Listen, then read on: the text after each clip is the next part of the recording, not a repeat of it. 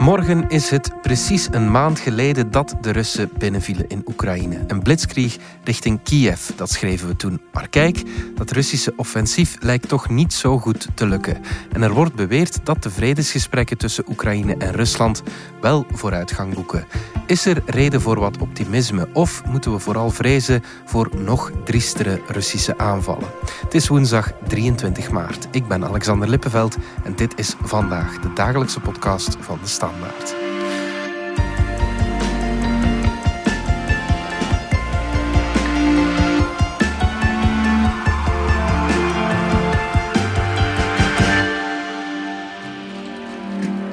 Dominique Minten van onze buitenlandredactie. We moeten natuurlijk met twee woorden spreken. We nemen deze podcast op op dinsdag. Misschien is de situatie woensdag weer helemaal anders. Maar als ik nu naar de kaart van Oekraïne kijk, dan is er van die overrompelende blitzkrieg ja, niet zoveel in huis gekomen. Hè? Niet helemaal. Ik wil zeggen, in het zuiden heeft Rusland duidelijk wel vooruitgang geboekt De blitzkrieg was eigenlijk vooral gericht op een snelle inname van Kiev. Mhm. Het omverwerpen van de regering Zelensky. Dat was duidelijk het plan van Poetin. En dat is mislukt. Ja, dat zegt Zelensky zelf vanuit de straten van Kiev. Het plan van Rusland om de staat over te nemen is mislukt, zegt hij. En het lijkt erop dat ze niet weten wat ze nu nog kunnen doen. Київська область, Сумщина, Чернігівщина на півдні нашої держави armia zupinilla occupantів. En dus is hij begonnen met een aantal steden uh, te bombarderen en vooral in het zuiden vanuit de Krim troepen aan te voeren. En die hebben wel uh, heel die, die zuidelijke corridor ja. die hij wil uh, creëren tussen Rusland en de Krim. Ja. Daarin is hij wel redelijk goed geslaagd.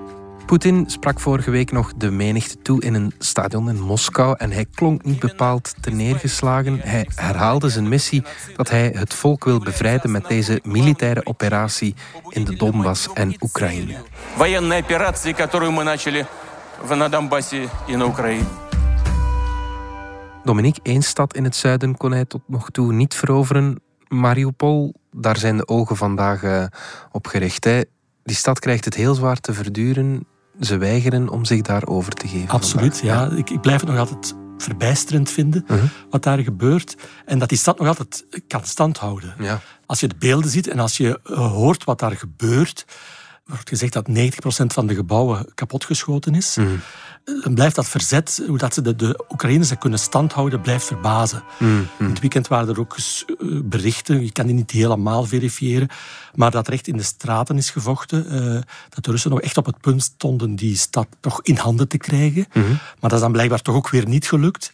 Het is duidelijk dat, dat, ja, dat het heel moeilijk is voor, voor Rusland om, om, om zo'n grote stad echt volledig te controleren. Ja, Eigenlijk is dat maar op, nog maar één keer echt volledig gelukt. Dat is in Gerson, dat is ook een stad in het zuiden. Ja.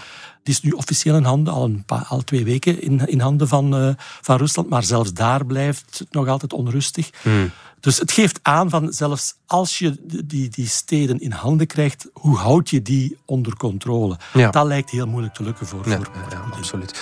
Het is voor Oekraïne, voor de rest van Oekraïne ook belangrijk dat Mariupol zo lang mogelijk stand houdt. Ik denk dat wel. De meeste militaire analisten zeggen dat ook. Zelfs de minister van Defensie van Oekraïne heeft dat gisteren nog eens gezegd. Van, zolang Mariupol stand houdt en niet in handen is gevallen van Rusland, worden de steden Odessa, uh, Kiev, uh, Kharkov in het, noorden, in het oosten, mhm. eh, worden die eigenlijk min of meer gered, zegt hij. Ja. Dus ik kan, me daar, ik kan me daar wel iets bij voorstellen. Dus Omdat Rusland zich nu eenmaal, ja, of niet de middelen heeft om zich op die meerdere fronten te begeven. Ja, om zich massaal op die verschillende fronten te concentreren. Dus ze moeten nu, denk ik, de oorlog een beetje saucissoneren, zoals ze zeggen. ja, Dus stad per stad aanpakken. Ja. Het eerste doelwit blijft Mariupol. Als hij dat echt in handen heeft, dan is heel die zuidelijke corridor richting de Krim in Russische handen. Mhm. En dan kan hij zich volledig gaan concentreren op, denk ik, Odessa. Mhm. Dat is ook een stad in het zuiden, aan de, aan de Zwarte Zee, nog meer naar het westen toe. Mhm. Eh, als hij die ook in handen krijgt, dan is heel Zuid Oekraïne ja. eigenlijk uh, in handen van, van Rusland. En de connectie met de Zwarte Zee natuurlijk. Ja, ja dat is, strategisch wel heel belangrijk. Ja, en heeft, heeft uh, Oekraïne ook geen enkele havenstad meer, mm naar de, naar de, geen uitweg meer naar de zee. Mm Dus dat, dat zit eraan te komen. En dan kan hij ook zich concentreren op, op Kiev. Want ik blijf erbij, ik denk het, de meeste analisten zeggen dat toch ook Kiev, hij wil Kiev in handen krijgen. Dat is de hoofdvogel. Dat blijft de hoofdvogel. En wat is de situatie in Kiev op dit Wel, moment? In Kiev, wat, wat je ziet is af en toe vallen daar bommen. Worden daar raketten op afgevuurd. Het is een beetje lukraak. Zondagnacht is er nog een winkelcentrum eh, gebombardeerd.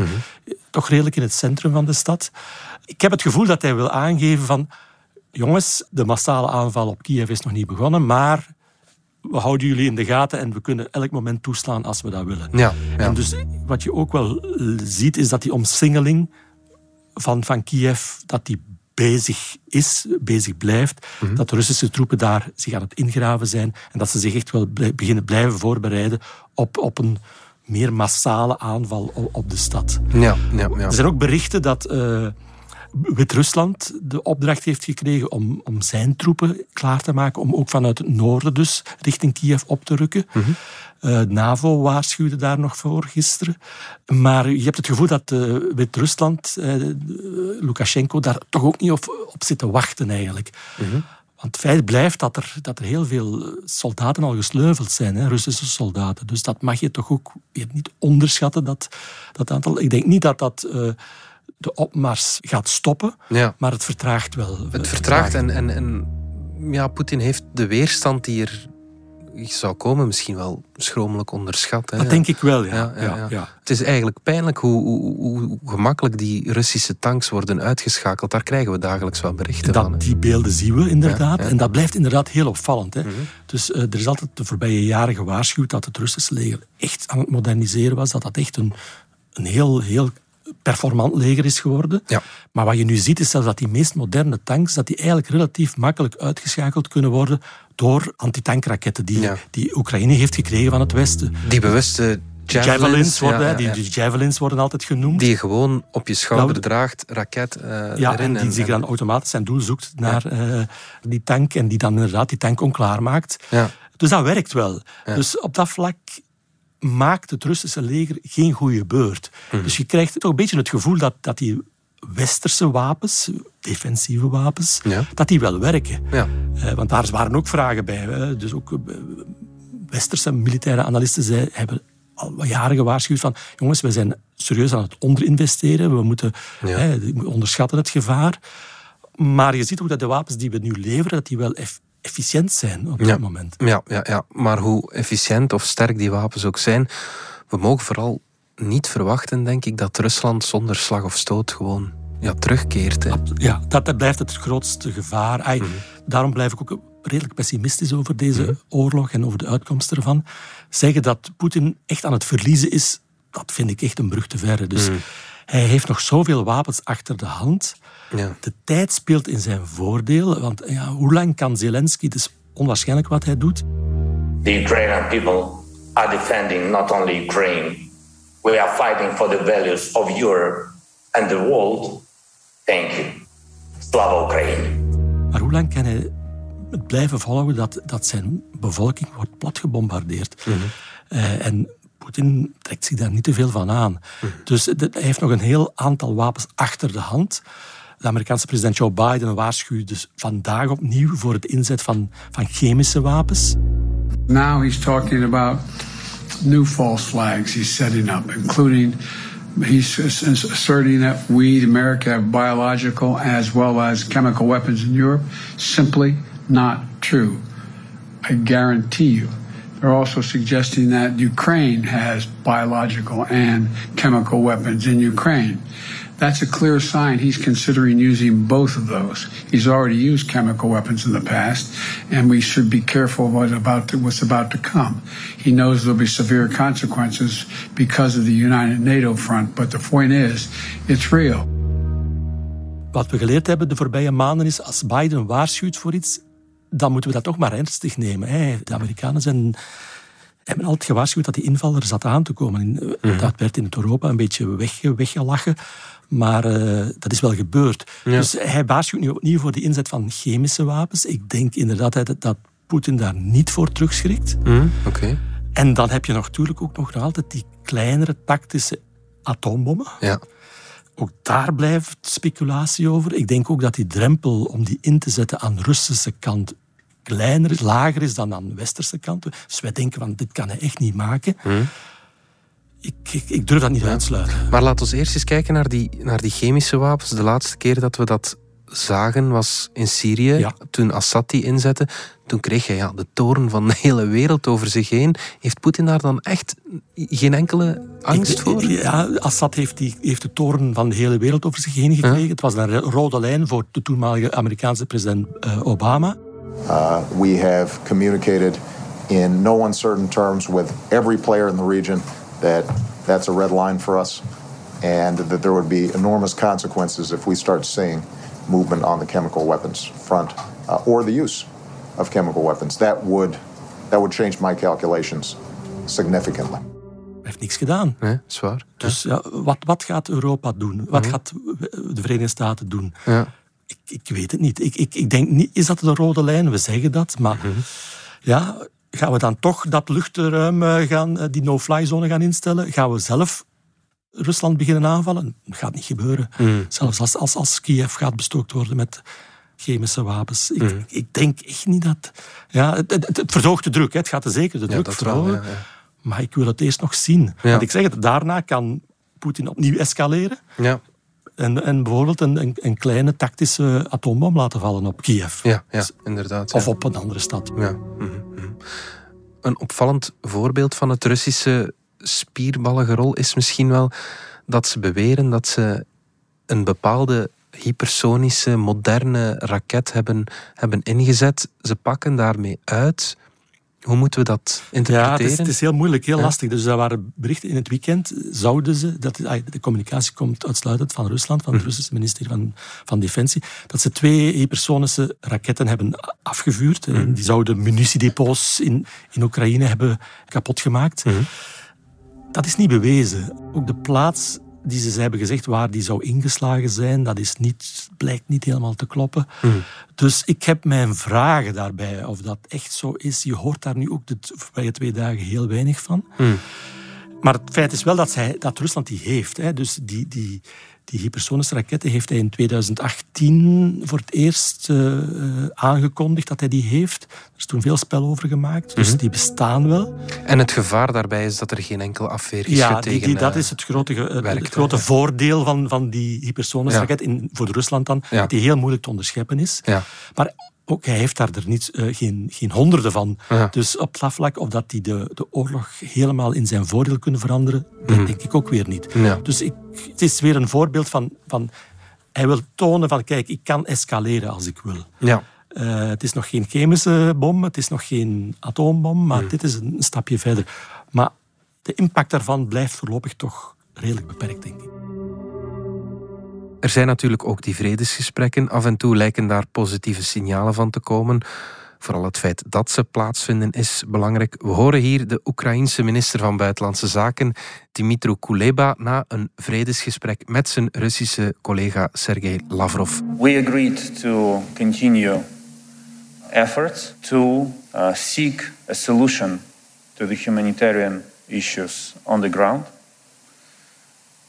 I will be ready to meet again in this format if there are prospects for a substantial discussion and for seeking solutions. Dominique, mogen we daar positief over zijn of is dat naïef? Ik denk dat dat een naïef is. Ja. De enige die daar positief over is, dat is Turkije. Mm Zij leiden, zij hebben een beetje het voortouw genomen in die, die gesprekken. Eh, afgelopen zondag zei de, de Turkse minister van Buitenlandse Zaken ook dat er echt een doorbraak nakend was. Mhm. Ik geloof dat ja, Turkije is natuurlijk een, een, een belangrijke speler in die regio. Ja, absoluut, nee, nee. En, en wat je wel ziet is dat Turkije zich terug opnieuw... Eh, Erdogan was wat geïsoleerd geraakt, zeker in het Westen, in Europa, in de VS. Die banden zijn terug beter. Ja. Dus uh, zij hebben, halen daar voordeel uit. Maar ik denk echt niet dat er op dit moment die vredesgesprekken een wezenlijke doorbraak kunnen kunnen betekenen. Hmm. Dus de, de, Franse minister van Buitenlandse Zaken uh, heeft vorige week nog gezegd dat hij dat vooral als een, een, een soort van rookgordijn ziet. Dat de, doen, de Russen doen alsof ze onderhandelen. Mm. Ook de Britse minister van Buitenlandse Zaken zegt dat. Ik zit meer op die lijn inderdaad. Ik denk inderdaad dat ze maar doen alsof ze onderhandelen om tijd te winnen. Ja. Om tijd te kopen, om, om het Westen een beetje misschien het gevoel te geven van misschien is er toch nog een deal te sluiten. Mhm. Maar zolang er geen volledig staakt het vuren is, eerst zijn die, gaan, die, gaan die onderhandelingen nergens naartoe, denk ik. Ja, ja, ja. Wat daar in die onderhandelingen besproken wordt, gaat hij wel heel ver. Mm. Ja, dus Oekraïne mag absoluut geen NAVO-lid lid worden. Nu, dat is misschien nog het minste van, van, van de Mm. eisen die op tafel liggen. Ja. Uh, Zelensky heeft zelf al gezegd dat, dat, er, dat er toch wel duidelijk is voor hem nu ook dat dat het er niet in Hij is daar ja, realistisch Hij in. is daar realistisch in Ja, ja, geworden. Зрозуміло, що Україна не є членом НАТО. Ми це розуміємо. Ми адекватні люди. Poetin eist ook dat een volledige demilitarisering van, van Oekraïne zal gebeuren. Ja. Hij houdt ook nog altijd vast, denk ik, aan die denazificering. Dus dat betekent in zijn ogen ook dat er een ander regime moet komen, dat, dat Ja. Zelensky moet vertrekken. Ja. En dat gaat, dat gaat echt niet gebeuren. Dat is, nee, dat is een volledige capitulatie dan. Van, Stel dat, dat eh, Oekraïne al zijn wapens teruggeeft of hij, hij demilitariseert.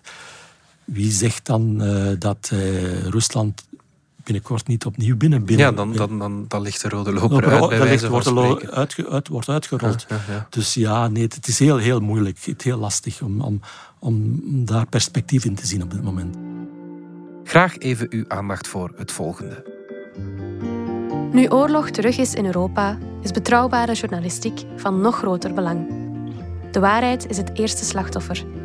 Volg in onze app, onze krant, onze video's en podcasts op de voet wat aan het front gebeurt via onze journalisten en fotografen in Oekraïne en aan de Poolse grens. Samen bieden zij u een helder perspectief in de mist van de oorlog. Start vandaag nog met lezen. Bekijk onze abonnementsformules op standaard.be/slash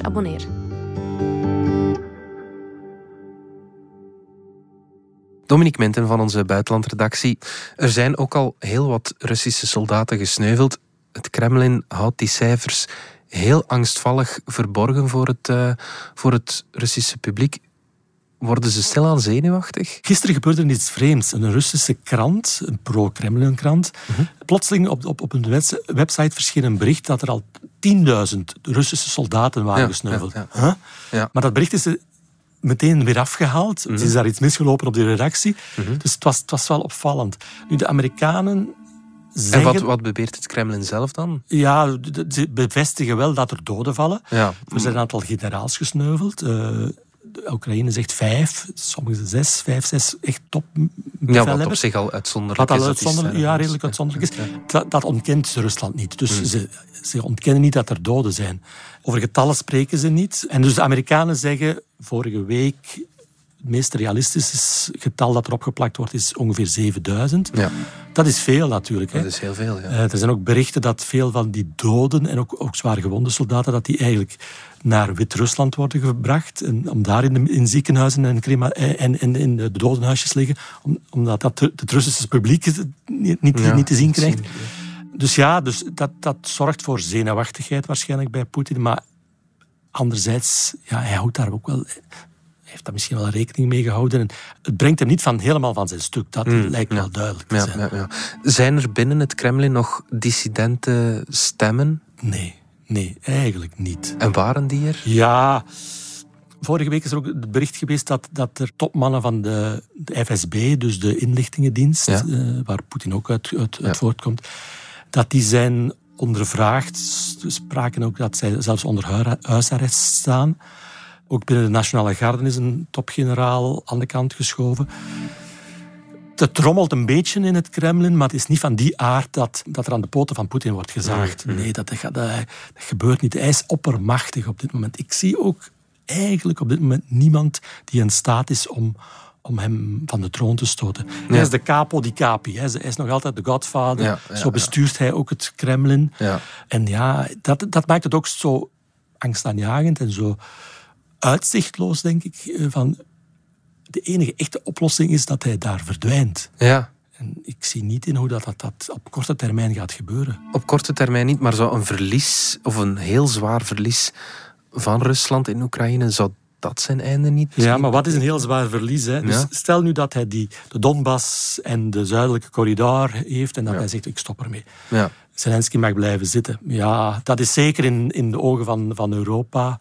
Heeft hij, bijt hij dan in het zand. Ja. Maar hij kan dat nog wel verkopen in eigen, in eigen land. Als, als kijk eens, ik heb toch hè, heel dat nieuwe Rusland, zoals die, die zuidelijke corridor wordt genoemd, is nu van ons. De Russische burgers, publiek gaat hem, gaat hem niet afstraffen hè, dus daarvoor. Dus eh, misschien zijn ze dan ook wel blij dat, dat de oorlog dan wel gedaan is, dat het weer wat rustig wordt. En we hebben toch terreinwinst geboekt. En dat die Zelensky daar nu nog zit in Kiev, zal, zal de, de doorsnee Rus, ja. Rusworst wezen. Ja. Dus ja, hij is gewoon te machtig en er zijn te weinig belangrijke, invloedrijke personen die hem het moeilijk kunnen maken. De enige hmm. politieke dissident die er nog is, is Navalny. En die zit, in, de, die zit in, een, in, in een gevangenis uh, ver weg van, van Moskou. Ja. Dus ja, er is geen democratisch verzet ook meer. Dus, uh, en een coup vanuit het leger zie ik echt ook niet gebeuren. Dus hmm. nee. Hij kan eigenlijk niet verliezen. Ik zie niet in hoe hij kan verliezen. Ja. Wij zeggen nu van ja, hij wordt een paria internationaal. Biden zegt dat is een oorlogsmisdadiger, dus dat betekent dat hij moet voor een straf afkomen. Mm Ja, dat, inderdaad, dat verdient hij. Mhm. Maar hoe gaat dat gebeuren? Ja. Je moet ook niet onderschatten van, is hij internationaal een paria? Europa wil niet meer met hem praten, maar we kopen nog wel altijd zijn gas en zijn, zijn olie. Ja. En als je naar de wereldkaart kijkt, pas op, Japan is boos op hem, Australië is boos op hem, Europa is boos op hem en de VS is, en Canada zijn boos op hem. Ja. Maar voor de rest, ja. India doet goede zaken, blijft heel erg aan de oppervlakte. Xi Jinping is nog altijd zijn beste vriend. Ja. In Afrika is er geen, uh, geen verzet tegen, vinden ze hem een toffe peer. Dus ja, en dat dus is alles samen moet, toch moet, meer dan de helft van de absoluut, wereldbevolking. Dus, veel meer dan, de, dan helft van de wereldbevolking. Ja. Hij, is, hij, is, al jaren geleden uitgesloten van de G7. Vroeger was het de G8. Na de Krim eh, is hij uit dat clubje gegooid. Ja, echt, echt wakker heeft hij er niet van gelegen. Mm -hmm. Dus je moet dat ook niet overdrijven, hè, dat internationale isolement van hem. Ja. Voorlopig uh, heeft hij nog altijd uh, drie vierde van de wereld doet business as usual met hem. Ja, maar langs de andere kant echt winnen, heel Oekraïne inpalmen, dat, dat kan hij toch ook niet? Dat klopt, dat klopt inderdaad. Dat is denk ik, zelfs als hij Zelensky wegkrijgt en daar een marionet zet. Mm -hmm. Ja, ik denk dat je dan een soort van permanente burgeroorlog krijgt in Oekraïne. Dat volk gaat zich niet, niet gewonnen geven. Mm -hmm. Hoe zwaar de prijs die ze daarvoor betalen ook zal zijn. Ja, we zien in Mariupol oh, ja, onverzettelijk dus, ze wel ja, zijn. Dus, uh, krijg je dan een soort van Syrië of Afghanistan scenario maal drie? Ja, misschien wel. Het is een gigantisch land, hè. je mag dat echt niet onderschatten. Het land is groter dan Frankrijk. Het is, ja. Er wonen 44 miljoen mensen. Oké, okay, 10 miljoen zullen, zullen vertrokken zijn. Mm. Uh, maar ja, om dat land te onderwerpen, dat gaat hij nooit kunnen. Dus op dat vlak gaat hij niet winnen. Maar de prijs die, die de Oekraïners daarvoor gaan betalen, is toch wel enorm. Mm. De angst is ook dat hij daar niet gaat stoppen. Hè. Dus als, als hij toch dat regime daar weggeeft, gaat hij dan proberen ook door te stoten naar Moldavië. Ja. Die al een, waar al een pro-Russische regio is. Een Russische regio is, ja. Dat kan hij er misschien ook nog bij nemen. Wat je ook ziet in Rusland, er circuleren al, al weken kaarten dat hij toch een soort van opdeling wil van, van Oekraïne als hij het niet helemaal onder controle krijgt. Mm -hmm. En dat bijvoorbeeld heel het westelijke deel, waar ook Lviv ligt, de grote stad in het westen, mm -hmm. dat hij die laat vallen. Dat hij, wordt dan West, West-Oekraïne. En Kiev ook dan? Of? Ja, dat, dat, is het rare. Ja, ja, dat is het, ja ik, ik, Kiev daar moet hij, wil hij toch een pro-Russische marionet hebben, denk ik. Maar Kiev zit niet in, dat, zit niet in die, in die West-Oekraïne. nee, ja, dat is dan okay. eigenlijk Lviv en nog een aantal dingen. Ja. Dus, en dan, maar dan heb je de Donbass en de, die zuidelijke regio, dat is helemaal Rusland. Ja. En wat er bij dat centraal gebied gebeurt, waar Kiev ook in ligt, dat is, ja, dat, ja, dat is zo'n beetje een, misschien een bufferzone dan zelfs. Ja, ja, ja oké. Uh, ja. Dus dat, zijn, dat is een ander scenario dat ook nog de ronde doet. Uh, Heel veel scenario's. Heel veel scenario's, maar ik, ik durf mij over geen enkel echt... Uh, ik denk niemand Niemand, nee, denk nee. ik ook niet. Nee, oké. Okay. Dominic Minten, dankjewel. Graag gedaan. Dit was vandaag de dagelijkse podcast van De Standaard. Bedankt voor het luisteren. Ken je trouwens DS Podcast al, de podcast-app van De Standaard? Daar luister je niet alleen naar onze journalistieke reeksen, je krijgt ook elke week een eigenhandige selectie van de beste nieuwe podcasts op de markt. Alle credits van de podcast die je net hoorde vind je op standaard.be-podcast. Reageren kan via podcast.standaard.be. Morgen zijn we opnieuw.